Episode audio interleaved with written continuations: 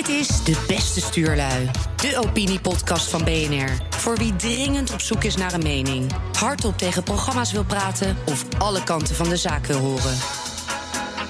De beste stuurlui van deze week.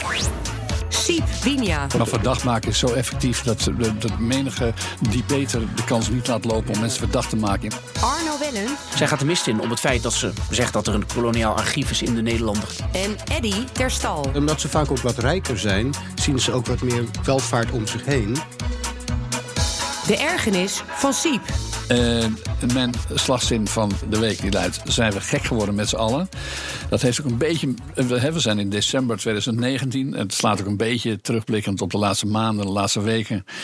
Uh, en ik uh, verzin het niet helemaal zelf. Ik hoor het steeds vaker roepen om me heen. Uh, en soms ook uh, her en der via media.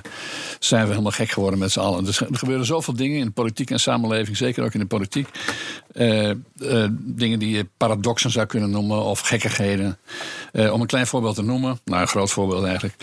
De collectieve sector bestaat grotendeels uit het onderwijs en gezondheidszorg en politie, veiligheid. Nou, uh, zien wij dat de scholen gaan dicht omdat er geen personeel is. Uh, ziekenhuisafdelingen gaan dicht omdat er geen personeel is. Uh, politiebureaus gaan dicht om god maar weet wat voor reden. Misschien ook wel omdat er te weinig politieagenten zijn. En tegelijkertijd zijn de belastingen het hoogste van de afgelopen twintig jaar. Dus er klopt iets niet. Waar gaan die heen? Ja, dat, dat, dat, dus ze zeggen ja, nee, de, de premies voor de, voor de, de, zorgpremies zijn ontzettend hoog geworden. Want de, de kosten van de gezondheidszorg zijn omhoog gegaan. Tegelijkertijd zien we dat die ziekenhuizen in ieder geval gedeeltelijk sluiten. Of er geen personeel is of anderszins. Wat een dus, onverwacht linkse praat van jou. Uh, nou, de collectieve nee. sector, uh, nou, dat er meer geld naartoe wordt. Dat, dat heb ik helemaal niet gezegd. Ik zeg dat er veel geld heen duid, gegaan is. Even. Ja, maar dat is een hele persoonlijke duiding, merk ik. Uh, ik stel vast dat we een, een, premier hebben van liberale huizen, althans beweert liberale huizen, die voortdurend beweert dat de koopkracht omhoog zal gaan, dus de inkomens van burgers omhoog zullen gaan, dat de belasting naar beneden zal gaan voor de, de, de hardwerkende Nederlanders. En dat vervolgens het eindresultaat is dat de belasting omhoog is gegaan, maar dat de collectieve niet renderen. Dat die uh, onvoldoende worden bediend of niet onvoldoende functioneren. Al dan niet in relatie met dat geld. Zo zijn er tal van zaken. Want er is uh, uh, gisteren, terwijl we hier spreken, is gisteren in Europa, in Brussel, een nieuw, of in Straatsburg was het geloof ik, een nieuw Green Deal gepresenteerd. Dat is de meest ambitieuze klimaat plannen van, van enige regio in de wereld. Uh, dus, dus ze willen nog ambitieuzer zijn dan klimaatkoploper Nederland. Waarbij uh, een van de interessante doelstellingen is dat er 100 miljard gaat naar Oost-Europa om de Polen aan het gas te helpen. Want gas is in uh, veel schoner dan de, de andere brandstoffen. Naar de Polen aan het gas te helpen. Ik snap het, maar ik moet, je moet toch even letterlijk nemen en geen, geen historische hoe heet het, insinuaties bijhalen. Dus de Polen aan het gas. waar waar wij zelf een gasverbod hebben ingevoerd in Nederland. Dus de Polen krijgen subsidie via Brussel. Onze uh, bijdrage in Brussel gaan omhoog. Want wij moeten gaan betalen voor. terwijl we hier een gasverbod hebben ingevoerd. De redenering is dat het een stap voorwaarts is vanaf kolen. Dat is de redenering. Ja, maar dat is een onzinnige redenering. En trouwens, als, als aardgas deugt, dan deugt het ook in Nederland. En dan is het heel erg merkwaardig dat de PvdA, die in Nederland tegen het gas is, uh, via Frans Timmermans in Polen en elders in Oost-Europa voor meer gas zou zijn. Trouwens, de hele Europese Commissie die is al zodanig voor meer gas, die, wil, die, die is voor het aanleggen. Ja, gaat toch ook aan het gas? Of, ook klinkt ook weer naar, hè? Ja, nou, ja, een beetje revanchistisch. Dit, dit, zegt misschien ook iets meer iets van jou dan ja, van is, ieder andere. Ja. Maar, uh, maar goed, in onze serie Gekkigheid kent geen tijd. We hebben uh, net de, de PFAS, er is een maatregel getroffen rond de PFAS. Een, een goedje dat we een paar maanden geleden nog niet kenden. Maar het, de, de bouw heeft dus maandenlang stilgelegen, uh, omdat de PFAS uh, de, te vies was om aan te raken, zal ik maar zeggen. Dat zat in de grond en zo. Maar er bleek maar één pennenstreek van nodig, één ministeriële pennenstreek, om het van. Uh, toen bleek dat uh, 0,01 PFAS misschien wat te streng was, 0,08 was ook oké, of zelfs 0,100 was oké, geloof ik. Nou ja, ik bedoel, uh, hoe ga je de economie... Je gaat dus de economie op basis van, van een puur verzonnen norm uh, platleggen. Jongens, ik heb hier zeker nog 15 van dat soort voorbeelden. Uh, die, maar ik weet niet of we de hele podcast ermee willen vullen. Dat kan trouwens altijd nog als we uitgepraat raken. De ergernis van Eddy. Ja, ik had vandaag ook, uh, hardop de vraag gesteld waarom bevolkingspolitiek, bijvoorbeeld het verdelen van condooms, om daar maar symbolisch iets voor te gebruiken, niet wordt meegenomen in het klimaatdebat, omdat het aantal mensen, inderdaad meer mensen die in, het, die in een geïndustrialiseerde samenleving stoten, stoten meer uit dan mensen die het niet. Maar goed, over het algemeen kan je toch zeggen dat het niet heel verstandig is als er heel veel meer mensen bij komen. nou, dan kreeg je een hele discussie. Dat ging echt van die zwartjes fokken maar aan tot en met... ja, maar wil je soms minder Afrikanen of weet ik veel wat. Dat het gewoon een open vraag was aan de mensen. Waarom dat eigenlijk heel weinig naar voren komt. Omdat je dus eigenlijk, hoe je het ook went of keert... op het moment dat er meer mensen komen in een land... of in een stuk wereld waar we toch allemaal reëel toch streven... dat om allerlei redenen, en vooral humanitaire redenen... dat er wat meer welvaart komt. Dus dat gaat men daar ook meer uitstoten. Ook in dat geval dus lijkt mij dat het uh, vrij bezwaarlijk is dat, uh, al was het alleen maar voor de vrouwen, dat het bezwaarlijk is dat ze zes kinderen of zo, weet je. Zo'n vrij humane vraag. Maar dat, dat, dat leverde dus zoveel, enerzijds uh, emoties op, de linker en rechterzijde. Maar ook heel veel uh, variabelen kwamen langs. Waarvan ik denk, ja, dit is eigenlijk een discussie die wel degelijk gevoerd moet worden met de juiste intenties en zo. En dan zonder dat je elkaar meteen verdacht maakt over, over die vraag. Maar verdacht maken is zo effectief dat, dat menige die beter de kans niet laat lopen om mensen verdacht te maken in plaats van naar feiten. Ja, maar, het punt is, maar bij 90% van de mensen die toehoren, zijn die mensen helemaal niet verdacht en worden daar ook niet door verdacht. Maar wel bij de mensen met de meeste microfoons en de meeste toegang tot, tot allerlei potjes. Dus het is eigenlijk heel oneigenlijk. Je moet er eigenlijk gewoon over doorpraten. Omdat je gewoon, en dan hoef je meer erover doorpraten. Dan wordt gewoon duidelijk wat, je, wat intenties zijn. Intenties is gewoon dat iedereen goed met elkaar door een deur kan. Dus zo min mogelijk chaos en ellende ontstaat. En dan moet je allemaal rationele oplossingen voor verzinnen. En bij klimaat, het klimaat, de klimaatdiscussie, if ever, eh, bestaat natuurlijk vooral bij de gradatie van het feit dat de klimaatverandering veroorzaakt wordt door de mens. Dat is de claim. Ja? Die claim dat, die luidt. Dat is deels, is dat natuurlijk ook zo. Nee, nee, nee, maar, maar excuus, excuus, excuus. even los van de inhoud van het debat. Als de kwestie is dat de, het klimaat verandert door toedoen van de mens, dan is alleen op grond daarvan het aantal mensen op de aardbol al een relevant gegeven. Ja. En het tweede relevante gegeven daarbij is hoeveel die mensen per persoon bijdragen aan extra broeikasgassen. Dat is in geïndustrialiseerde landen natuurlijk meer. Als Zeker, maar, dat is, maar, ook, in die, maar ook om die reden is, het, is, is niet alleen het aantal mensen op de wereld van belang, ook, ook de plek waar ze zijn. Ja? Dus als ze van Afrika van, naar Europa gaan. Dan gaan ze hier meer uitstoten. Dan gaan ze hier meer uitstoten. Dus als je vreselijk begaan bent met het klimaat en je vindt dat belangrijker dan, uh, dan de, het migreren van Afrikanen naar Europa, laten we dat voorbeeld maar aanhouden. Uh, ja, dan moet je ervoor kiezen dat, uh, dat je migratie uh, dat je daar geen voorrang aan geeft. Laat ik het heel nou ja, neutraal van sowieso de hele ideologie van, de, van ongebreidelde migratie, waarbij mensen die hier zitten dan via overmakingen moeten proberen daar de economie op, op poten te houden. Dat is een heel defetistische kijk op Afrika. En dat doet ook het, continent ook, ook tekort. Waarom zou, waarom zou je daar niet proberen met handel? Uh, en, en, maar zoals je weet is dat heel lang, als, het, als een van de belangrijkste redenen, een soort alternatieve ontwikkelingshulp heette dat te zijn, dat je Afrikanen laat emigreren naar Europa, uh, zodat zij dan hun eigen familie kunnen onderhouden. Nou, dat is een, een vorm van permanente bijstand dat is, dat die je helemaal niet moet willen natuurlijk. natuurlijk. Dat is totaal natuurlijk. Neocoloniale kan het niet. Ja. Nou, het doet ook geen recht aan de mogelijkheden die er in Afrika zijn. Hè? Als je dus gewoon eens kijkt naar de ruimte, het klimaat, de, de, de mensen. Als je, het klimaat is wel een dingetje op, sommige, op sommige plekken de Dat is toch weer, de, hè, daar is die weer. ja, ja nou, onder de Sahara wel de vruchtbaarheid ook over het algemeen. Maar ja, er zit nog een bijzonderheid overigens. Want de, die, die vruchtbaarste periode, of het periode, het gebied. Het, Leuke verspreking. De vruchtbare, nee, nee, de vruchtbare territoria moet ik eigenlijk zeggen. Uh, dat, zit, dat, dat, is, dat, dat, raakt een ander uh, taboe te weten het feit dat als je de kaart van Afrika ziet, dan zie je dat de vruchtbaarste gebieden, dus waar het hoogste kindertal per vrouw is, dat begint in West-Afrika ten hoogte van Senegal en gaat dan in oostelijke richting en gaat vervolgens uh, nadert dat de, de Indische Oceaan en dan gaat het, buigt het af naar het zuiden. Wat geen enkele demograaf uh, over publiceert, is dat er precies de grens ook is van de islam en het christendom. Nou weten wij het Met onze- andere woorden, dan cons- weten we- conservatiever of meer richting de moderne. ik heb er een andere theorie over. En die theorie luidt demografische oorlogsvoering. Die wij, de- wij zijn in Nederland op dat punt deskundig. We hebben zeker in de eerste helft van de 20e eeuw... Hebben we dat, en trouwens midden van de 20e eeuw ook meegemaakt...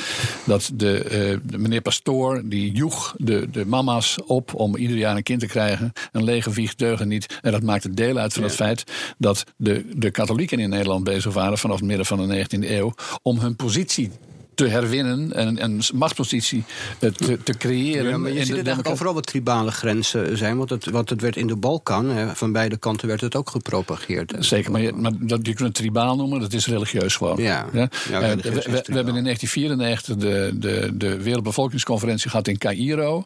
En tot verbijstering van menig verstandig mens bleek dat daar plotseling de islamitische leiders een deal hadden gemaakt met de, met de Vaticaan. Want allebei waren ze erover eens. Er moesten meer mensen Meer komen, dat wil zeggen meer islamieten komen, dan wel meer, meer katholieken komen. En dus moesten het, eh, dus alles wat gericht was op inperking van de bevolking, werd daar verboden door deze conctie van de islamleiders en het Vaticaan. En, en dus eh, ze wilden hun, hun strijdmiddelen niet opgeven, komen daar op neer. Maar ondertussen zitten dus in hele stukken van Afrika, eh, worden eh, zowel aan de christelijke kant als aan de, aan de, aan de eh, moslimkant eh, mensen opgejuind om dat kindertal maar hoog te houden. Dat is een van de, een van de, de, de verklaringen die zelden worden ja, maar- genoemd maar- voor maar- het feit maar- maar dat juist het geboortecijfer daar zo hoog blijft. Ja. Ondanks het feit dat, laten we zeggen, dat heet dan demografische transitie. De reden is om aan te nemen dat het eigenlijk nog minder zou gaan moeten, moeten worden. Ja, Ja. en dat is heel vervelend als je de. ehm, Als, want dan kun je, dan- je kunt nu verwachten wat er gaat komen. Hè. Je- Het is interessant, we hebben nu de oorlog in Syrië. Al in ongeveer 1930, je kan dat helemaal terugzoeken. Er waren er, ehm, toen was het nog koloniaal, werd het koloniaal overheerst. Maar er waren er wetenschappers die zeiden: ja, dit land, de, de, de- het grondwater kan niet meer dan 5 miljoen mensen voeden. Dus als je er overheen gaat, dan krijg je de situatie dat, dat je grondwater onttrekt. En dan gaan mensen op een gegeven moment raken ze op drift. Dan gaan ze naar de steden, wat je zegt. En dan hebben ze daar te maken met werkloosheid en ontevredenheid. En dan krijg je oorlog. Dat kun je gewoon zien komen. En eh, dat, daar werd in 1930 al voor gewaarschuwd. Toen er nog 5 miljoen Syriërs waren. En die zijn er 23, althans dat er waren voor keer de zoveel. oorlog. Ja, daar zijn het ineens vijf keer zoveel. Nou, dan worden je problemen alleen maar erger en die stapelen zich ook op. Als Nigeria naar een paar honderd miljoen mensen gaat, dat is een, dat is een tijdbom van je welste. Dat wordt een afschuwelijke oorlog. Sterker nog, En de dat- oorlog en is dat- lang begonnen. hè? En er, er wordt al gevochten. Ja, er zijn al allerlei spanningen. En daar kunnen we, dat gaan we deze eeuw, dat gaan we ehm, helaas meemaken. Dat, ik, ik weet ook niet wat wij daaraan kunnen doen. Inderdaad, als je zegt het. ehm, de, Nou, Nigeria heeft natuurlijk wel de dat, dat, dat is wel wat we niet noemen, inderdaad. Van, het, het is iets waar wij het niet over willen hebben, inderdaad, die Nou, dat is bevolkingspolitiek. Het is niet altijd zo geweest. Dat, dat, dat, dat heeft een interessante ontwikkeling doorgemaakt de afgelopen halve eeuw. Je moet je voorstellen dat in de jaren 70 en 80 het voorkomen vanzelfsprekend was. Ook voor de VN en zo. Dat was een apolitiek gegeven. Eh, er was ook zoveel hongersnood, moet ik aannemen, in het, wat toen meer gangbare derde wereld werd genoemd. Dat, eh, dat eh, het, het geboorteoverschot, dus ook bevolking, wel degelijk algemeen als een ontwikkelingsvraagstuk en zo werd benaderd. Dus gewoon feitelijk. Alleen. Het, het was ook een stokpaardje van links, hè, met name. Zeker. Zong hardop. Nou ja, wat, wat, wie, Men zong, zeg maar, op de toon van Ajax wint de wereldcup. Zongen ze, de paus die is een moordenaar. Ja. En dat was dan omdat hij condooms in de derde wereld eh, tegenhield. Eh, zeker. Maar ja, dat was, eh, eh, laten we niet vergeten, dat was onderdeel van, van de bevolkingspolitiek die we in de jaren 30, 40, 50 hadden. De, de KVP, de Katholieke Volkspartij, ook de uitvinder was van de hoge kinderbijslag en zo. Dus, maar goed, in ieder geval, het was rond 1970 liep de, de nieuwe partij, de nieuwe lichterpartij D66 voorop in overbevolking en eh, de geboorteoverschotten en zo te zien als het probleem van milieu, klimaat en god me weet wat Dat allemaal. kappen ze nu af bij de ouderen. Hè? Ja, dat is, ja, ja, dat is buitengewoon treurig om te zien dat, eh, dat, als je, dat, dat, eh, dat, dat de studentenaanhang van D66 nu vindt dat, dat hun, hun- de, wat is het? De, de, de beurzen omhoog moeten. eh, eh, en dat kan best door de gezondheidszorg wat aan te passen eigenlijk. Ja, voor de armen. Maar, eh, maar zeker is het, eh, dus in de jaren eh 70 en 80 was het eigenlijk onomstreden. Totdat er in de derde wereld en de kerken dus en de islam daar een soort van, ja maar dat is eigenlijk racisme. Want als jullie willen dat, dat er minder Afrikanen, minder mensen in de derde wereld komen, dan is dat nou ja, racisme dus. Ik bedoel, dat hadden, werd toen uitgevonden. Da- daarmee werd het een onaanraakbaar thema. En pas de laatste paar jaar is het hier en daar, wordt het weer een beetje geaccepteerd. Grappig genoeg, of bijzonder genoeg, deels ook door de Nederlandse ontwikkelingshulp. Daar valt veel op aan te merken op de Nederlandse ontwikkelingshulp. Uh, maar dit is misschien wel het meest effectieve onderdeel daarvan. Namelijk dat er relatief veel geld wordt uitgestoken. Ook van de, voor de Rutger Stichting en zo. Die, uh, die uh, werk doen op het contraceptiegebied in Afrika en elders. Dat komt vanmiddag ook langs. Iemand die duidde, duidde me erop. Ja, maar, maar dat is inderdaad, dat, dat, slaat eigenlijk elke discussie dood. En weet je wat het lastige is? Is dat, hè, bedoel, racisme is wereldwijd een reëel bestaand probleem. Maar als je alles als zodanig gaat duiden, dan herken je het niet meer als het voor je deur staat, bij wijze van spreken. Nee, dat maken we veel meer de laatste tijd, ja. ja. Want uh, alles wat, laten we zeggen, je kunt bijna standaard zeggen dat iedereen die, die racisme roept, zelf zich uh, van racisme bedient in dit land de laatste paar jaar. Ja, een soort van betuttelracisme of, of, of, of, kleurdenken. Maar anderzijds... Ja, het voortrekken van mensen op basis maar, van... Maar je hebt ook weer mensen die dan in de wederomstuit, zeg maar... Hè, als ze denken ze dat ze een soort uh, hippe tegencultuur zijn... tegen de politieke correctheid, zo ver doorslaan... dat ze ook niet meer doorhebben, dat racisme. Die ken ik niet, weet ik niet. Wat is nou, het komt al op Twitter al uh, regelmatig voorbij. Oh ja, nee, ik lees alleen mijn eigen twitters. In het kader van uh, ik mag niks meer zeggen... wordt er ook van alles geroepen. Dat, dat, dat, ja. Maar goed, anyway. Maar dat is niet. Dat is, is dat een dominante stroming? Ik vind dat vooral op de, de nieuwe dominantie beschouw ik de, de, de, de, de stroming die zich sinds een jaar of drie, vier, vijf prat gaat op het overal ontwaren van racisme. En daarbij vinden dat mensen die van een, bepaalde, een bepaald uiterlijk hebben of een bepaalde raciale achtergrond hebben, volgetrokken moeten worden omdat ze slachtoffers zijn. Dat is de dominante trend van de laatste vijf jaar. Toch? Ja, het identiteitsdenken heeft wel, is weliswaar een hele kleine stroming als het gaat qua electoraat en qua, qua achterban en qua. Maar geweldig maar wel, maar wel ongelooflijk veel geld heeft. En ongeweldig geweldig invloedrijk. Als je, kijkt, als, uh, geld. als je kijkt naar de gemeente Amsterdam, dan heeft uh, mevrouw Sylvana Simons van Bijeen.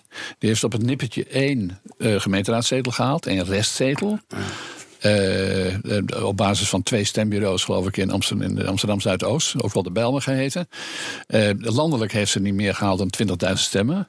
Maar als je kijkt naar haar invloed in de gemeenteraad, is het totaal. Dus als, als Sylvana iets zegt van ja, alle tunnels moeten een andere naam krijgen. omdat uh, allemaal kolonialisme, dit en zus.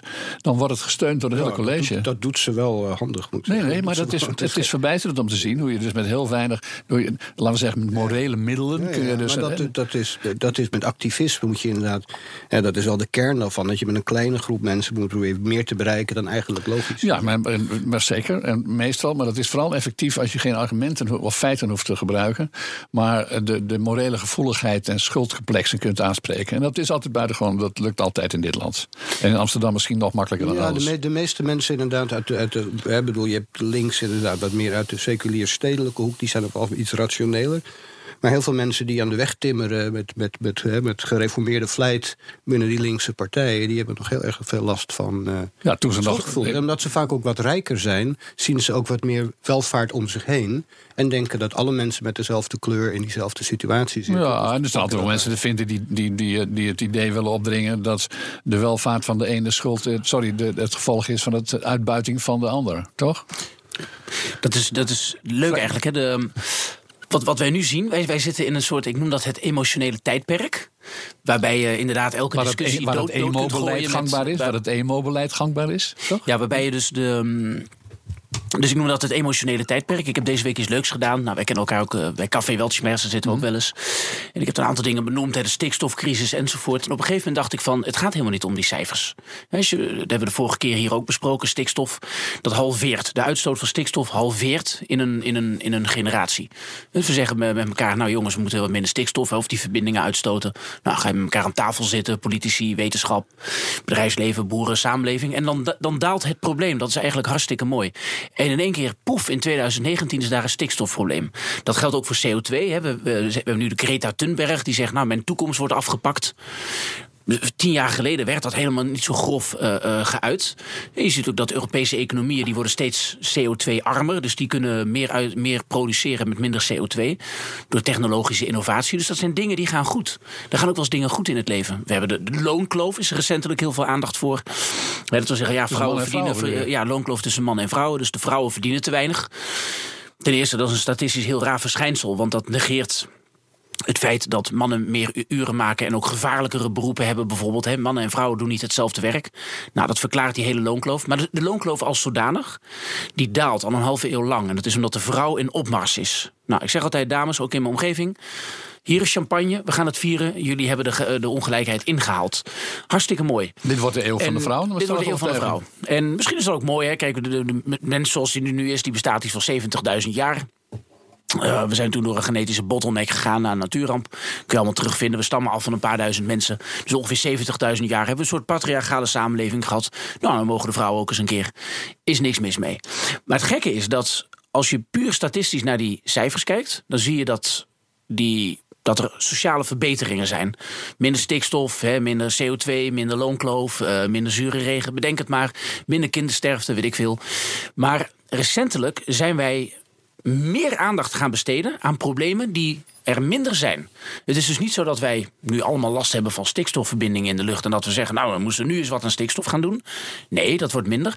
Wij besteden er meer aandacht aan en volgens mij is dat een mentaal emotioneel probleem. En daarom hebben we dus van een deel toch een luxe probleem ook. In die zin dat zes jaar geleden, acht jaar geleden, tien jaar geleden had niemand het over het klimaat. Om die, trouwens in de jaren daarvoor wel. Maar toen de economische crisis diep genoeg was, speelde klimaat geen enkele rol. Maar ja, je kan ook, aan de ene kant kun je ook zeggen dat is ook weer, wel weer goed. Want het, eh, dat, dat spreekt een bepaalde morele en technologische ambitie uit. Dus het is ook niet alleen maar slecht. Sterker nog, er is wel degelijk een probleem waar, waar je enigszins, eh, waar je als, als mens uh, wat aan kan doen. En dan denk ik in eerste instantie dat het niet alleen van de consument moet komen, maar dat het ook van de overheid en de bedrijven moet komen. Nou, die, die, die, die emotie, die is, dat, dat is mijn stelling, die emotie is wel slecht. De ergernis van Arno. Want als je totaal uh, irrationeel, uh, emotioneel, als een hysterische kip beslissingen gaat maken, zoals nu met stikstof, met de loonkloof enzovoort. Die hysterische haan moet je wel. Sorry met de? Hysterische kip of hysterische haan. Hysterische haan, inderdaad. We moeten natuurlijk wel uh, genderneutraal een, een, hysterisch kuiken, noemen we het dan even, want dat kan elk geslacht hebben. We hebben honderd geslachten. Kijk, je, in die hysterie doen wij dingen die schadelijk zijn voor de economie en um, met al die milieumaatregelen. Dat vind ik de grote ironie. Is ook voor het. Ja, dus dat die milieumaatregelen die zijn slecht voor het milieu. Dus wij leggen onze binnenlandse industrie. Ja, precies. Dan gaan we, gaan we bomen kappen om, om, uh, om ovens te stoken. Op, en dat mijn, is op mijn lange lijst van, van, van we zijn. Van waanzin. Maar dat, dat is waanzin. Dit is niet, dit is niet, alleen, is dit is niet alleen waanzin, het is ook opportunisme. Heeft het, want het zijn gewoon mensen die te dicht bij die klimaattafel Maar dat is georganiseerde waanzin. Met bepaalde belangen. Ja, dat is collectieve waanzin. Laten, laten, laten we zo noemen. de subsidie die daar naartoe ging. En er werd net wat gezegd over racisme. Ik ga even een mooi bruggetje maken. Ik heb bijvoorbeeld. Um, Iemand zei een keer tegen mij, dat is een, een Afrikaanse jongeman, uh, Kiza, heel hartstikke slim. Die zei van, nou, jij bent wel kritisch op dingen. Lees nou zo'n boek van Gloria Wekker. Want misschien gaan dan jouw ogen open. Ik denk, nou, uh, zo gezegd, zo gedaan. Ik ga het boek van Gloria Wekker kopen, uh, Witte Onschuld. Ja. ja dus ook met, volgens mij is dat het boek dat we zeiden, ja, het, we zijn wit en niet meer blank, weet ik veel. Nou. nou in dat boek vooral duidelijkheid, misschien wel nuttig om even te zeggen.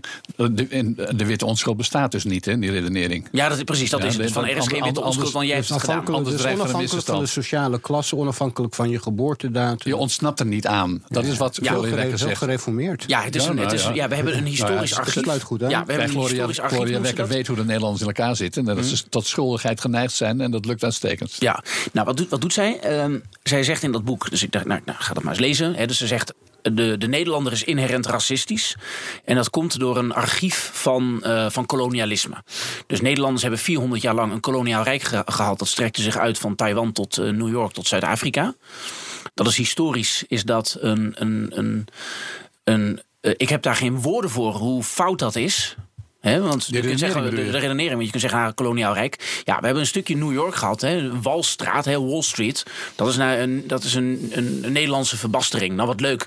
Maar dat leeft niet bij de Nederlander. Het is niet zo dat de Nederlander denkt van, oeh, weet je nog dat wij de maar, Amerika ik hoor, ik hoor nu in, ik hoor nu een blanke, wat zeg ik, een witte, een poging doen om te ontsnappen aan dat Gloria Wekker voor jou ja, als lot de, bedacht heeft. Ik ben, de, ik ben trouwens, uh, ik ben een kwart... Uh, uh, ja, dus ik zit even te zoeken naar het woord, want dan mag je dat ook niet gebruiken. Maar ik ben een kwart negroïde. Okay. Dus mijn, mijn ouders uh, die komen uit Zuid-Afrika. Maar zelfs dat is een ontsnapping. Maar ik voel me niet, en dan moet je eraan ontsnappen. Nee, maar kijk, zij gaat dus de mist in. Uh, maar haar ideologie is vrij leidend nu, dat zie je.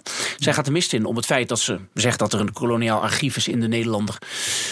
Dus dat het in ons leeft, dat wij Taiwan en Amerika en enzovoort. Niemand weet dat wij ooit Taiwan, hebben bezet. Ik heb dat opgezocht. De VOC had daar, een, eh, had daar een handelspost. En toen kwam er een of andere Chinese generaal. En die zei van, eh, ik wil weg met die kazen. Weg met jullie. Die heeft ons ervan afgegooid. En dat is in 1650 ergens een keer gebeurd. Er is geen enkele Nederlander die dat... Die dat, die dat eh, sorry, die, die generaal heet toch Koksinga? Dat was een ver- Nederlands verbastering van... Oh, ik dacht de Chinese Ja, generaal. de Chinese Dat is- generaal, die, heet, die noemde ze Koksinga, omdat ze zijn naam niet kon uitspreken. Oké, die heet ook, noemen we generaal Fu Yonghai. Dan hebben we die racismekaart ook weer. Generaal Fu Yonghai gooit Nederland eraf. En, maar er is niemand die, die voelt van... oh, weet je nog dat wij die Chinezen en die donkere mensen in Amerika... weet ik wat, hebben overheerst. Niemand, niemand voelt dat, omdat het zo lang Maar- geleden maar- is. maar let Wacht, wel. ik ga even door Maar- naar de, nee, ik ga even door naar de, naar de volgende. Excuus. Nou goed, wat doet zij dan? Dus, zij, dus Gloria Wekker gaat uit van het koloniaal archief. Dat, dat, dat gaat in de redenering al fout. Omdat zij negeert dat Nederlanders daar al eeuwen zijn wegge, wegge, weg, weggestuurd. Dat geldt ook voor Zuid-Afrika. Nederland heeft nooit echt een koloniaal rijk van betekenis in Afrika gehad. Handelsposten hadden we. Eh, een paar handelsposten, maar dat, dat leeft niet echt. En de gemiddelde heeft dan wel slaven verkocht. hadden ze ook niet moeten doen. Dat is ook hartstikke fout. Maar dat was in de gemiddelde Nederlander, als je naar een boer in Emmen gaat, die heeft niet zoiets van: Goh, weet je nog dat wij vroeger slaven verkochten? En dat zit in mijn historisch archief. Maar goed, zij zegt: Nederlanders zijn inherent racistisch. En dat kan ze bewijzen. Dus ze heeft de oorzaak. En dan zegt ze: Nou, ik heb ook bewijs dat het zo is. Dan zegt ze: ik, Ze zat een keer in de metro. Toen reed ze zwart. Ging ze zwart rijden. Leuke woordspeling. Werd er er een controleur. En die zei: van, U moet eh, een boete betalen, want u rijdt zwart. En toen zei ze: Maar luister eens, ik ben een professor aan de Universiteit van Amsterdam u hoort mij geen boete te geven, lekker arrogant. En toen zei die, eh, die man, die, ze beschrijft dat incident zelf... en ze zegt op een gegeven moment, je bent een fascist. Dat zegt ze tegen de controleur. Ja, ontsnapt er maar eens aan. Ja, en Maar daarop dat zei ze dus tegen iemand die lager in de sociale pikorde zat. Ja. Zij is een professor aan een, en zegt tegen iemand met een, met een laten we zeggen, eh, high sweat, low income job, zeg Ja. maar. Maar, Die- maar, Die gaat even- en dat- en dat is het bewijs. Maar, maar staan Maar mee- dat- maar dat staan is mee toe. het punt, Ik- hè? ik- Dat- is het bewijs. Ik denk dat je vrij, vrij trefzeker het werk van eh, Gloria Wekker hebt samengevat nu. Eh, maar we moeten ook vaststellen dat Gloria Wekker eh buitengewoon succesvol is. Ja, dat- dus, juist. eh, Dat- ze- want- want wij luisteren hadden- hier nu naar. Dat is het rare. Vier, Wij- vijf ja. jaar geleden hadden we de bezetting van de Universiteit van Amsterdam. Dat de zoveelste maagdhuisbezetting. En wie was de grootste winnaar van die maagdhuisbezetting? Gloria Wekker. Die trouwens Ja. nooit hoogleraar aan de Universiteit van Amsterdam is geweest. Eh, Het was de Universiteit van Utrecht, dat even terzijde. Maar die dook plotseling op. met immunitaat dook ze op bij deze bezetting van de Universiteit van Amsterdam. En heeft daar meteen geregeld dat er een diversiteitscommissie moest komen. die wel eens even de diversiteit zou regelen aan de Universiteit van Amsterdam. Wie werd er voorzitter van? Natuurlijk Gloria Wekker. En Gloria Wekker die heeft vervolgens in een rapport uitgebracht. waarin ze zei. En de hele Universiteit van Amsterdam, zowel het schoonmaakpersoneel als studenten als wetenschapspersoneel. moet een afspiegeling worden. En dat betekent dus veel meer zwarte mensen, zal ik maar zeggen. Dat zal ze letterlijk hebben gezegd, zwarte mensen. Eh, even voorbijgaand aan het Nee, maar feit. het is ook, eh, voorbijgaand aan het feit dat, kleur dat, gezegd dat het hier. Ja, van kleur kan ook, ja. Eh, dat eh, voorbijgaand aan het feit dat de Universiteit van Amsterdam geacht wordt. zoals alle Rijksuniversiteiten heel Nederland te bedienen. En wat zeg ik? Tegenwoordig de rest van de wereld erbij. Dus zij wilden er een soort afspiegeling van de Bijlmer van maken. Eh, en daarbij ging ze gewoon pure racistische afwegingen Ja, plegen. want dan, dan moet één op de zes mensen moet dan ook Chinees zijn. Dan moet je ook consequent zijn. Dan moet je ook allemaal Chinees halen. Eh, zoiets. Ik heb, al, ik heb ook eens een keer een interessant. Misschien verklaart dit iets. Ik heb met mevrouw Wekker een, een, nog een keer een radiodebatje gehad.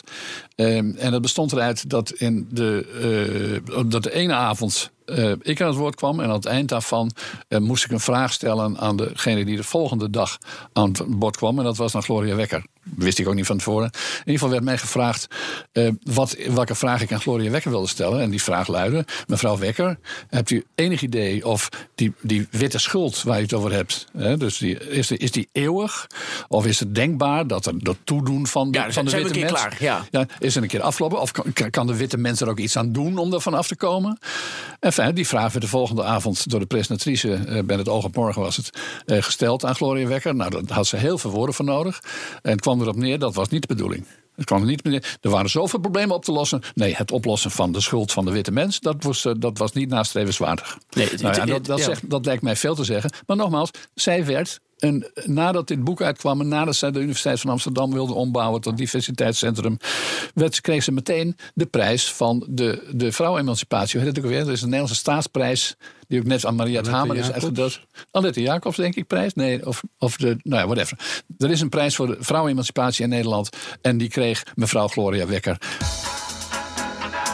Is toch Ja, en dat- en dat- dus en dat, dat- dat, typeert En dat het de- succes dat- van deze ja, dientrand. Dat, dat, dat typeert het en daarom noemde ik dat. Dus ik, ik heb een, een, spreekuur opgenomen met Esther van Venema. Dat ik zei, nou, het zit niet in, het zit niet in de, de, de aard der dingen. Kijk, ik ben ook tegen racisme en weet ik veel. En ik, ben- ik vind ook bijvoorbeeld wat nu hebt, racial profiling. Ik hoor heel veel van de Surinaamse vrienden ook heel veel klachten daarover bijvoorbeeld. Ik zeg, ik zeg ik ben het met je eens. Dat moet je gewoon maar niet doen. Welk, vanaf. normaal mens is daar niet mee eens? Ja, dat is Het, het gebeurt wel, zeggen ze dan. Je kan er niet helemaal van Nee, maar je moet uitgaan het wel een paar keer per dag zeggen, want anders dan loop je risico. Hè? Ja, maar ik, ik, meen- ik meen dat ook. Maar, maar het gekke is dus dat, die, dat wij dus emotioneler zijn gaan worden. En wij worden totaal irrationeel. En dat, nog één ding over dat boek van Gloria Wekker. Wat ze ook doet, is dat ze... Om, om maar aan te geven dat, we, dat ik het raar vind dat we naar haar luisteren. Daarom, daarom noem ik dit. Zij zegt op een gegeven moment... dat diversiteit moet ook binnen een gezin. Dus je moet ook niet een blank gezin hebben. Dus stel, je hebt twee mensen uit Friesland met... ehm, ehm, met, van, met, met blauwe ogen en blond haar. In de sterreclame lukt het al Dan vrij moet, eh, redelijk. Ja, dan moet, daar een, dan moet daar een donker kind bij zijn. Wat, wat vrij lastig is, tenzij de vrouw even in gezellig... beeldvorming of, of, of echt? In het echt. Maar hoe Ja. wil je dat in Tietjerkster deel voor elkaar krijgen? Ja, dat lijkt me ook vrij Nou, lastig. veel asielzoekerscentra er neerzetten. Hè? maar Dat, dat, soms. dat maakt haar niet uit. Wat zegt zij? is al redelijk gelukt hoor, met die Kijk, wat, asielzoekerscentra. wat zegt zij? Zij zegt... De, ehm, een, een, als een kind als een, andere huidskleur heeft dan de ouders... en dat kan door adoptie. Ja. Dan zegt zij, dan gebeurt het heel vaak dat de buitenwereld niet denkt dat dat een gezin is. Wat op zich niet heel vreemd is. Oh, dus het beeld van het, het gezin, het concept gezin moet veranderd worden. Ja, het, het het, gaat daar hier, hier daarom. Dus zij, zij, ziet, zij ziet een gezin en er is iemand geadopteerd. En dan zal de buitenwereld zeggen van... Hè, eh, maar Pietje, die bijvoorbeeld uit eh, Angola is geadopteerd... Ja. die zal niet de, de, het kind zijn van Marieke. Maar als ik goed begrijp, Uit- uit moet dat een nieuwe standaard worden... zodat mensen dat niet meer gaan denken? Of zo? Ja, zij, zij, zij vindt dat als de buitenwereld denkt van... hé, maar die, dat is, daar is geen eh, familierelatie omdat er een andere huidskleur is... Ja. wat totaal normaal is, hè, want dat geeft geen waardeoordeel... over het ene ras of het andere. Het is totaal normaal dat je zegt van... god, twee blonde ouders en dan is er een donker kind. Ja, dat kind zal niet bij die ouders horen, die zijn geadopteerd. Ja. Nou, zij vraagt in het ene boek... vraagt zij tien mensen die geadopteerd zijn. Ze heeft een steekproef van tien. Vraagt ze, de, vraagt ze of zij hiermee te maken hebben. Hè, bijvoorbeeld, stel dat je uit Thailand bent Ja, ik, geadopteerd. ik, heb dat ik heb daar rechtstreeks mee te maken, dus je kan het mij ook vragen. Dus De- mijn- maar Gloria stief- heeft jou niet gevraagd. Mijn Nee, Gloria is, heeft- eh, mijn is zwart. En eh, van kleur moet je zeggen, maar hij was heel, heel donker. Dus eh, Gewoon heel de donker, kans ja, dat lekker, eh, we werden ja. George en Jimmy genoemd. Ik rood en hij zwart. En, Ja, je bent niet blank, je bent er- rood, er- ja. er worden soms, werden soms wel eens vragen gesteld. Maar de- daar, daar, als je daar niet direct antwoord op gaf, dan werd het ook meestal direct geaccepteerd. Maar, ja, maar waarom is het erg om daar vragen bij te stellen? Want eh, de Gloria Wekkers vinden het, het stellen van de vraag al racistisch. Ja, dat is het dus. En dat is het interessante wat zij doet. Dus dat is de, de gedachtesprong. En heel Nederland gaat er inderdaad in mee. Hè. Dus je kunt met vrij weinig. Met vrij eh, weinig volgers of eh, stemmen of weet ik wat, eh, kun je Nou al ja, inderdaad heel als, als de regering haar de staatsprijs voor de vrouwenemancipatie geeft, Ja, dan dan, heeft is dit- dus- dan is Gloria Wekker de nieuwe standaard. Ja, dus De, maar wat Ja. gebeurt er nou? Dus zij heeft tien mensen van ehm, geadopteerde mensen van kleur, noem ik ze even. En die vraagt ze dat en dan zegt ze van, herken jij dit beeld? Heb jij dit meegemaakt? Zoals wat Eddie hier zegt van, hè, Ja. nou ik heb dat wel eens met mijn broer meegemaakt. wel meegemaakt. Ja. Maar, maar vaak zelfs. Maar ik bedoel, Maar ze- het is hoogstens in sommige gevallen is het een beetje impertinent, want het zijn privézaken. Maar dat is iets anders dan. dan, dan eh, net als, wat- Nou ja, als je twee, moeder, twee moeders hebt met een kind, wordt die vraag ook gesteld. Dat is ook soms een beetje. Maar is het je zus, weet ik veel. Ja, dat Nou ja, helemaal niet laat in ik zo slecht, zeggen, als, als mensen in de wieg kijken en zeggen: Oh, hij is precies je dit of dat. Nou, eh, dus als mensen dat nalaten om dat, die herkenning uit te spreken. Nou, maar- Dan is dat al, ja. Nou, zie, wat, doet Gloria Wekker dan? Die, die, ik maak het even af. Dan- zij noemt dan, zij vraagt tien mensen die zij kent die geadopteerd zijn. Dit is wetenschap, hè? Zij is een wetenschapper. Nou, dat- even niet, vergeten, geen wetenschap, maar goed, Officieel. Zij vraagt tien ja. mensen van kleur die zij kent of, dit is, of ze dit is Mhm. overkomen. Van die tien zeggen er zes, nee, ik, ik herken dit beeld niet. nee. Maar dat Vier zeggen het wel. Wat doet zij vervolgens? Pakt ze een ander boek. En dan gaat ze dus doorredeneren. Dat is dus witte onschuld. En dan zegt ze, nou, ik heb dit een aantal mensen gevraagd. En zij hebben te maken met het racistische verschijnsel. Ten eerste, het is niet racistisch. Je kunt, dat al, je kunt al aanvallen dat het niet zo, eh, zo is. Ten tweede, van die tien zeggen er zes dat het niet zou zijn. Ja. Dus zij isoleert die vier. Die pakt ze als nieuwe steekgroep, eh, eh, steekproef. Dus, dus alles wat uitkomt, dat pak je als steekproef in een ander verhaal. En dan zeggen, ja, ik vroeg dit vier mensen... en alle vier hebben ze te maken met deze vorm van racisme. Dus 100% van deze mensen is slachtoffer. Dus ze negeert die andere zes. En vervolgens heeft ze dus een steekproef van vier... waarmee ze een beschrijving doet over een populatie van 17 miljoen mensen. Maar eigenlijk valt- en dit valt- is, jouw- dit is jouw verhaal. totale waanzin. Dat wij Zeker. als land, dat wij deze vrouw dat wij die toelaten op een universiteit, dat die Nee, op tv komt, En dat de die lakens mag uitdelen. De lakens mag Maar, uitdelen. nou, een steekproef dat- van vier. Daar kan je, kom wel, op. daar kan je Ja. verschillende dingen over zeggen. Hè? Want bedoel, op een universiteit heb je dus idealiter gewoon twee grootheden. Je hebt enerzijds, heb je, dat hoort ook bij een universiteit, hoort bij de leeftijd. Activisme, hè? dat is provoceren, dat is eh, drie stappen vooruit, twee terug. zij is van- 70, hè? van spreken. Ja, nee, maar even over studenten. En anderzijds heb je het zuiver wetenschappelijke. Beide heeft zijn plek. Hè. Beide is een, uit, is, is een uiting van, van, van hè, universitaire werkelijkheid. Overal in de westerse wereld is dat zo. Emotie- kan je niet en zeggen- wetenschap. Dus in die zin is ze niet echt wetenschap in de zin van, van, van empirisch rationeel, maar in de activistische hoek. Dat, dat, eh, dat, is, dat is legitiem. Een probleem wordt als men zeg maar in waar dat zich vertaalt in beleid, hè, bedoel, waar dat zeg maar die activistische Wat hier het geval is. die, actie- die actiever is, een grotere toegang hebt dan, laten we zeggen, de meer empirische hoek. En, en, en dat is eerder een probleem. Maar om te zeggen van het activisme hoort niet thuis op een universiteit. Ik, ik, ik denk, hè, om met Wim Kant te spreken, dat je op een bepaalde leeftijd. eh, moet je. eh, die hoef je niet letterlijk te doen. Die deed heel Nee, maar, Ja, maar- je- maar- maar- maar- ik- excuus, maar een emeritus hoogleraar... die zou nog iets bezadigder en rustiger moeten zijn... dan een, een gewoon hoogleraar, laat ik het zo ongeveer zeggen. Terwijl in dit geval eh, Gloria Wekker echt... De, de, die, die zet de toon voor de wa- warhoofden van 18. Ja, Ja, Dat- want je, dat leert mensen ook. Want het is dat, een dat, zeer aantrekkelijk eh, gedachtegoed. Dus. Ja, ik, heb, ik sprak een keer iemand van Voor- B1. voor jongere mensen. En ik, heb, ja, ik, heb dit, ik sprak iemand van B1 en heb ik dit genoemd. Ik zei van, maar je kunt toch niet, hè, dat is los van wat je vindt. Dus je kunt een zekere mate van activisme hebben. Dan zeg je, nou, er is ook wel nog wel wat racisme in Nederland. Je moet daar wat aan doen. Maar het feit dat is dat je... provocatie. Maar, is nieuw, maar Nou, racisme, is toch, provocatie nieuw racisme lost toch het oude racisme Nee, niet op? Wel? Maar kijk, dat- dat als je als hoogleraar tegen... Als je als hoogleraar het over je lippen krijgt...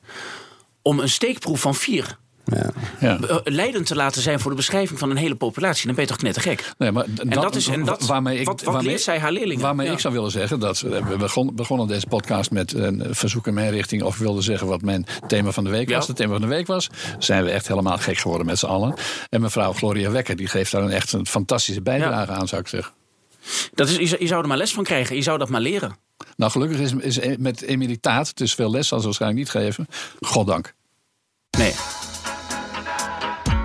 Nou, een vriend van van Turkse komaf, die heeft ooit, eh, die was hè, van, ook van arbeidersklasse, eh, van ja, we zeggen modern gerichte seculier, of misschien niet eens, want ik ook dat hij zelfs religieus was, maar in ieder geval arbeidersklasse, die heel erg zijn best heeft gedaan om antropologie te kunnen studeren op, op de universiteit. Nou ja, hij, hij kwam daar. En hij zei van ja, ik was, hij zei, ik was zo teleurgesteld. Ik had een soort wetenschappelijke, nieuwsgierige eh, omgeving verwacht... waar ik me kon ontwikkelen als mens. Maar ik werd alleen maar gevoerd met ideologie. Het was een grote teleurstelling. Ik De, heb er de, niets de geleerd. juiste, de juiste en de foute gedachten. Ja, ja, ja, dus hij gaat nu een andere universiteit proberen... om te kijken of daar eh, wel eh Nieuwsgierigheid wetenschap- Je, je- je leert dus niks. Ja. Je leert niks waar je iets, Ja. iets mee hebt. Ik heb trouwens een keer, dat, de, mensen kunnen dat opzoeken. Ik heb een keer, toen die, toen die maagdenhuisbezetting was... toen heb ik daar rondgelopen. Dacht ik gewoon eens kijken hoe dat is. En er liepen allemaal krakers rond. En eentje zou me de tanden uit mijn smoel, uit mijn smoel slaan. En Ja. eh, weet ik veel, dat kun je nog gewoon vinden. Het, het, het maagdenhuis. Het lijkt me stug dat En- hij Amsterdam sprak. Jawel, dat was een... eh, Nou. je, je, kunt het, je kunt het vinden, het Ja, staat, staat op YouTube. wel? Misschien Nou, van En dan lag een ander stelletje, lag, eh, De, lag de, er gewoon de eh, mensen spraken daar Engels. Sterker nog, dat, is, was, dat maakt deel uit van de Gloria Wekker-doctrine, hè? by the way. Ja, ik, maar er lagen daar gewoon een paar te wippen. Dus ik liep daar gewoon zo'n kamer binnen. Gewoon, weet je wel, dat was zo'n kamer gekraakt. Dus ik, dus ik had gewoon mijn, mijn, mijn telefoon aan. Gewoon kijken van wat er gebeurt. Ja. En eh, dus ik zie daar zo'n eh, ik zie daar zo'n zo'n matras heen en weer bewegen.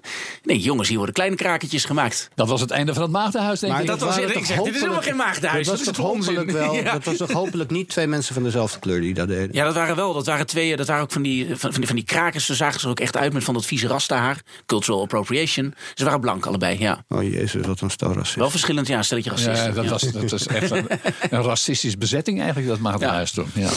Maar het, het vervelende is, kijk, je- je helpt hier niemand mee.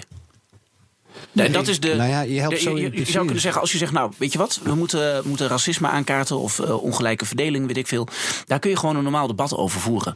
maar als, je, als iemand het, de, de zaal binnenloopt en die is totaal emotioneel en die gebruikt manieren van redeneren die nergens over gaan, die, die, die totale waanzin opleveren. Hè? Dus een steekproef van vier. Ja, doe normaal. We weten precies waar het toe leidt. We, we hebben Nou, tot- tot improductief beleid, laboratorium- contraproductief het- beleid. Het, laboratorium Verenigde Staten heb ik in dit. Dus er zijn hele tientallen Amerikaanse universiteiten al teloor gegaan aan deze identity politics eh, theorieën van waar Gloria Wekker trouwens haar verhaal ook vandaan gehaald heeft. Het leidt alleen maar tot het einde van de wetenschap. Het leidt tot gigantische ruzie. Het leidt zelfs tot de opkomst van Donald Trump. Ja. Want Donald Trump is te beschouwen als de reactie van de gewone Amerikaan. Ja. Niet omdat die man, dat Trump nou een geweldig per se het voorbeeld is.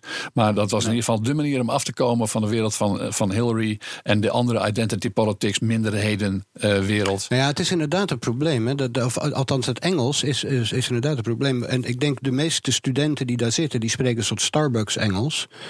En eh, eh, daardoor zijn ze heel onvoldoende gewapend tegen alle in het Engels gestelde, nogal hoogdravende wartaal.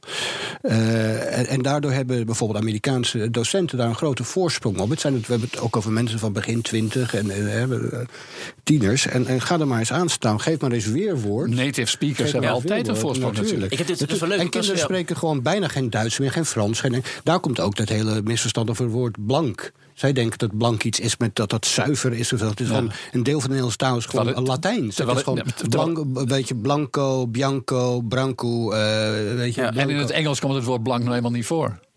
Zo simpel Nee, dan moet je het wit maken. Ja, en dan is het, Ja. als je dat niet. Het gekke is, ik was een keer en de, ik, ik wil een voorbeeldje noemen van, van deze contraproductieve ideologie. Hoe, hoezeer dat mensen hun, hun kritisch denkvermogen gewoon vernietigt eigenlijk. Dus ik, ik was een keer bij Dwars, dat is de jongerenbeweging van GroenLinks. En toen zei ik, jongens, ik wil wat tegen jullie aanhouden. Ehm, toen zei ik, wie van jullie vindt dat de Amerikaanse president een vrouw moet zijn? Dat was in 2016. Nou, gaan al die handen omhoog, want seksisme, feminisme, racisme. Nou, dan kwam, dat, kwam, dat, kwam die hele eh, riedel kwam naar voren. En zei, de wat vind je van... rechtsvrouw zijn. Ja. Nou, ik... ik ehm, nou, wat, wat gebeurde De vrouw als minderheid, dat was de, De vrouw als minderheid. De minderheid moet de, de. Want minderheid de is, maar toch maar. ja, de- precies. Dus, de, dus Hillary, dat is, die moest dat dan worden. Nou, toen had ik een, een stemming bij me in het Amerikaanse congres. En dat ging over ehm, de vraag of bij conflicten ehm, kinderen en onschuldige burgers. eh, Of vermeden moet worden dat kinderen en onschuldige burgers het slachtoffer worden van rondslingerende slingerende munitie. En dat gaat dan over de discussie over clusterbommen. Zo'n clusterbom, is zo'n ding, nou, dat spat uit elkaar in een conflict. Dus met één, één bom kun je een heel groot gebied bestrijken. Dus de bom die spat uit elkaar in honderd kleine bommetjes. En dan kun je een, een voetbalveld in één keer uitroeien. Alleen één op de zoveel, één op de tien geloof ik, van die clusterbommen. Die hebben een sensor als ze bijna de grond raken dat ze afgaan. Of als ze nabij een militair doel zijn. Eén op de tien bommen gaat niet af. Dus als je ergens een oorlog hebt, zoals in Irak, dan liggen er overal nog bommetjes, subbommetjes. En dan heb je een kind dat gaat voetballen, dat trapt erop en dat eh, wordt er een been afgeblazen. In heel veel conflicten is dat een, een levensgroot probleem. Dus er komt een motie in het Amerikaanse eh, eh, congres. Van jongens, wij moeten wat gaan doen aan die rondslingerende munitie. Aan clusterbommen. En de, de tekst van de motie is, ehm, is ook dusdanig opgesteld dat als je het leest en je stemt daartegen, dan, dan, dan ben je gewoon niet goed bij je hoofd. Dan, ehm, dan het, is de, het, het, het beschermen van onschuldige burgerslachtoffers. Zijn wij daarvoor of zijn we er tegen? Hillary Clinton stemt tegen. En dat komt omdat, zij, omdat haar campagne wordt gesponsord door de maker van die bommen. En dat is het Amerikaanse bedrijf Textron. En dat liet ik ook zien. Dus ik liet dat aan die GroenLinkse mensen zien. Dus je hebt hier een wapenbedrijf dat bommen maakt, waardoor kinderen de ledematen, worden afgerukt. Dat bedrijf beïnvloedt de Amerikaanse politiek via Hillary Clinton. Wie vindt Hillary Clinton nog steeds leuk? Omdat het een vrouw is. Dan gaan al die handen omhoog. Zij willen een vrouw. Het maakt niet uit dat zij door een verschrikkelijk bedrijf wordt Maar gesponsord. vinden ze dat, maakt- dat hebben met maar vinden Obama ze dat natuurlijk ook echt, meegemaakt, Of zijn ja. ze bang dat als ze hun hand niet opsteken, dat ze buiten de groep vallen? Het zijn natuurlijk heel jonge mensen. Hè? Dat, dat, dat, dat is het ook. Maar er is dan niemand die zegt van... Oh, dat is eigenlijk best wel onwenselijk dat Textron de stemming beïnvloedt over hun eigen product. Ja, en moet je die wel heel sterk, moet je wel Ja. heel sterk karakter hebben om binnen zo'n groep, zeg maar, dat. Zeker, maar, maar, Je- dit, maar is helaas, dit is Ja. helaas bij de universiteiten en ook bij dwarsen natuurlijk voor 98% studenten. Eh, universiteiten zijn anders, daar hadden we het net al even over, anders dan zou moeten. Geen, eh, lang geen, eh, geen gebieden meer, terreinen meer waarin de vrijheid van meningsuiting werkt, maar de, de, de, de gelijktrekken van meningen. Ja. dus de, de sociale drijfveren om een mening te hebben zijn veel belangrijker geworden dan. Het hangt ook een beetje van de Ja, precies. Dus, dus, dus je, bent, je bent toch geen seksist? Je bent toch voor Hillary? In Leiden is er, is er een rector magnificus, geloof ik, die, die, die, zich, daar, die zich daarom bekommert. Maar in menige universiteit. Obama ook, hè? Obama komt zich er ook om. Die zegt ook dat universiteiten gewoon plekken zijn waar je, waar je meningen omge. Hè, waar, waar je niet moet die platformen, waar je meningen juist zeg maar heel erg onveilig moeten zijn. Ja, je, terwijl, terwijl er allerlei mensen blij waren met Obama om om, uh, om identity politics-achtige reden. Namelijk om een reden die je net aangaf, uh, te weten. Het feit, niet zijn opvattingen, maar het feit dat in ieder geval gedeeltelijk uh, niet wit was. Terwijl hij zelf ja. van de hoek Martin Luther King is, hij zegt het om het karakter gaat. Ja. Ja, ik, heb hier, wil nog een laatste ding wil ik vertellen, nou nu wie toch zijn. Ik, had, ik, heb ook, ik heb ook een boek gemaakt, nou, het Euro-evangelie. Ben ik licht kritisch op de euro, of dat allemaal wel mogelijk is. En een, een student had dat gelezen en die wilde een scriptie schrijven. En die wilde mij als bron gebruiken. Nou, toen zei die professor van als je Arno Wellens als bron gebruikt, dan krijg je meteen een 3. Dus dat deed ze dan niet. En toen had ik de, want ik heb gezegd dat Brexit, dat hoeft geen ramp te zijn. Als je een Brexit zo uitvoert dat je elkaar niet beschadigt en dat je de interne markt in stand houdt, dan kan het economische effect van Brexit kan minimaal zijn, onmerkbaar. En dan geef je die mensen die weg willen uit de Europese Unie, geef je wel hun zin. Um, maar dan heb je geen economische schade. Dus dat zou de koninklijke route zijn. Nou, dat mocht zij niet zeggen. Dit was ongewenste kennis. Dat was ongewenste kennis. Nou, toen kwam ze dus terug bij die professor. En toen had ze een studie van de London School of Economics. Die exact mijn punt herhaalde. En dat is geen toeval, want ik had mij juist gebaseerd op die studie van de London School of Economics. En dacht ik, nou, als ik het niet mag zeggen, als ik niet genoeg gewicht heb academisch, prima, dat accepteer ik. Ik ben ook geen uh, echte econoom. Ik ben journalist. Maar als ik mij baseer op een studie van de London School of Economics. En die zeggen ook, in die studie zeggen ze wat is de schade van Brexit. Geven ze een hele grote range, want ze weten niet hoe dat eruit gaat zien. Dus nee, je kan goed scheiden en slecht scheiden. Dus ja, hoe slecht is die scheiding? Een hele, hele reeks geven ze, maar één, één optie is de koninklijke weg en dan heb je geen scheiding. Eh, dan heb je geen echte schade. En wat zei de professor? Dat zij, de, zij, zij noemde dat dus. En dan zei ze, nou, ik wil dus een, een scriptie maken over die scenario's. En zij zei, hij kreeg een trillende lip. En toen werd hij heel uh, naar tegen haar, heel denigrerend. En dan werd ze echt weggezegd, ja meisje, weet je, jij kan dat denken. En tegenwoordig heb je dat rechtspopulisme en jij bent er ook van. Zo ze stemt ook op Forum voor Democratie trouwens. Um, daar, daar ken ik er ook van. En toen belde ze mij. Toen zei ik, wat moet ik hier nou mee doen met die professor? Zei ze, moet ik nou, want ik, heb wel, ik wil wel een hoog cijfer halen, want dan kan ik nog cum laude afstuderen. Ja. En toen zei ik, weet je wat? Ik zei van, je moet gewoon buigen voor die man. Je moet gewoon je eigen academische mening opzij zetten. Want niemand leest jouw scriptie ooit. Ik bedoel, mijn, mijn bachelorscriptie die heeft nooit iemand gelezen. Dat, dat durf ik geen op in te nemen. Nee. En zij was heel teleurgesteld. Ze zei van Arno, ik bel jou, jou juist. Want ze had gedacht van nou Arno, dat is wel iemand die voor de vrijheid van meningsuiting opkomt. En, en haar een, een, een, een beetje peper in de reet zou strooien van uh, dat je het moet uh, opnemen tegen zo'n oude saaie vent. En ik zei nee, dat moet je niet doen. Choose your battles. Ja. Als je klaar bent. Dus hou gewoon een hoog cijfer voor die scriptie. Dat heeft ze nu gedaan dan dus zeg gewoon wat hij, wat, je, wat hij wil horen. Doe dat gewoon. En dan kun je daarna, dan zet je op mijn site bijvoorbeeld, zet je een stuk over wat je echt denkt. Nou, dus ik, zou, dus ik zou ook zeker documenteren. Ik zou ook zeker in ruime mate documenteren wat haar tijdens haar studie overkomen is. Ja, dat heeft ze, heeft ze ook al gedaan. Maar dus en dat is dus, maar goed, dat is mijn afsluitende opmerking. Je moet dus, dus die, dat klimaat op zo'n universiteit is zo verstikt dat de professor denigrerend gaat doen tegen zijn studenten. Op het moment dat, dat die studenten gewoon een goed fatsoenlijk onderzoek van de London School of Economics meeneemt. Dat past niet binnen het, het, het kader van wat de professor denkt. Dan wordt hij denigerend en dan buigt zij maar. En iedereen doet dat. Niemand zal op de universiteit zeggen, inderdaad, de vinger opsteken en zeggen van, maar wacht eens even, Brexit hoeft helemaal niet slecht te zijn. En mensen zijn dus pas vrij, academisch vrij, als je weg bent van die verstikkende cultuur okay, van de universiteit. Maar in feite gaat het dus weer of, eh, eh, over diversiteit, nietwaar? Namelijk, het, uh, bestaat diversiteit of is er juist een gebrek aan diversiteit? Diversiteit is het, is het heftigste modewoord van de laatste tien jaar, uh, op duurzaamheid na misschien. Ja, en ze menen het niet. En, en, en, er, en er is, alleen er is nog nooit een discussie geweest over wat duurzaamheid is. Sorry, diversiteit is. Uh, en als, maar je hebt allemaal wethouders met, met een portefeuille uh, diversiteit. Je hebt uh, allemaal stafdirecteuren van ondernemingen die aan diversiteit doen. Maar nooit is beschreven Uh, en is nooit beschreven wat dan diversiteit is. En of het wenselijk is, is of er meer van moet komen. En waarom dan wel. En met, nou, op welke, op welke gronden? En bedoel, welke, welk criterium is, is, is het meest belangrijk als je het hebt over achterstand? Hè? bedoel, er zijn heel veel mensen die, die überhaupt uit. Ik denk dat je gewoon een beetje op postcode en op, op reële situatie wil inschatten. Oké, maar zelfs debat, dat debat is nog niet begonnen. Ja, dus iedereen klest maar achter elkaar aan. Dat alles moet divers zijn. Terwijl in de praktijk hebben we niks anders gezien dat, dat, dat de Gloria Wekkers met hun merkwaardige diversiteitsagenda uh, kennelijk de toon kunnen zetten. Ja, maar geen diversiteit van meningen. Maar het draait in ieder geval maar niet ook bij. van sociale klasse. Mensen met een arbeidersachtergrond hebben een historische achtergrond. Hebben een historische achterstand. En er wordt heel weinig. Maar dan wordt, het, dan wordt het toch, eh, ik weet niet of ik nog vooruitloop op de eindconclusie van deze eh, eh, podcast. Maar dan wordt het toch hoog tijd dat er een staatscommissie diversiteit wordt neergesteld. Die een geweldig onderzoek, die 20, die 20 promovendi aan het werk zet om de duurzaamheid, de wenselijkheid van duurzaamheid, de toekomst van, duurzaam, sorry, van diversiteit. eh, trouwens, voor, divers, voor duurzaamheid mag men thuis hetzelfde. Maar in ieder geval, eh, laten we eens een keer uitzoeken wat bedoeld wordt met diversiteit. Waarom iedereen het erover heeft. eh, dat er kennelijk bedoelingen mee zijn. filosofische discussies Laten we eens een keer zonder normaal naar kijken. en verdachtmakingen. Ja, nou, dat wordt toch hoog tijd, die staatscommissie. Ik bedoel, dat kan mij het schelen, een staatscommissie. Ja. Parlementaire enquête, minister van Diversiteit. Nou, de, de- de- eerst, de minister vind ik allemaal prima. Maar eerst wil, wil ik graag weten wat het überhaupt is en waar het heen gaat. En waar het. Identity politics is bepaald niet de weg naar gezamenlijkheid. Het zit het in de weg. En zit het. nation building. Dit was weer een aflevering van De Beste Stuurlui. Een opiniepodcast van BNR. Alle afleveringen zijn terug te luisteren op bnr.nl slash podcasts, iTunes en Spotify. En hou je roer recht.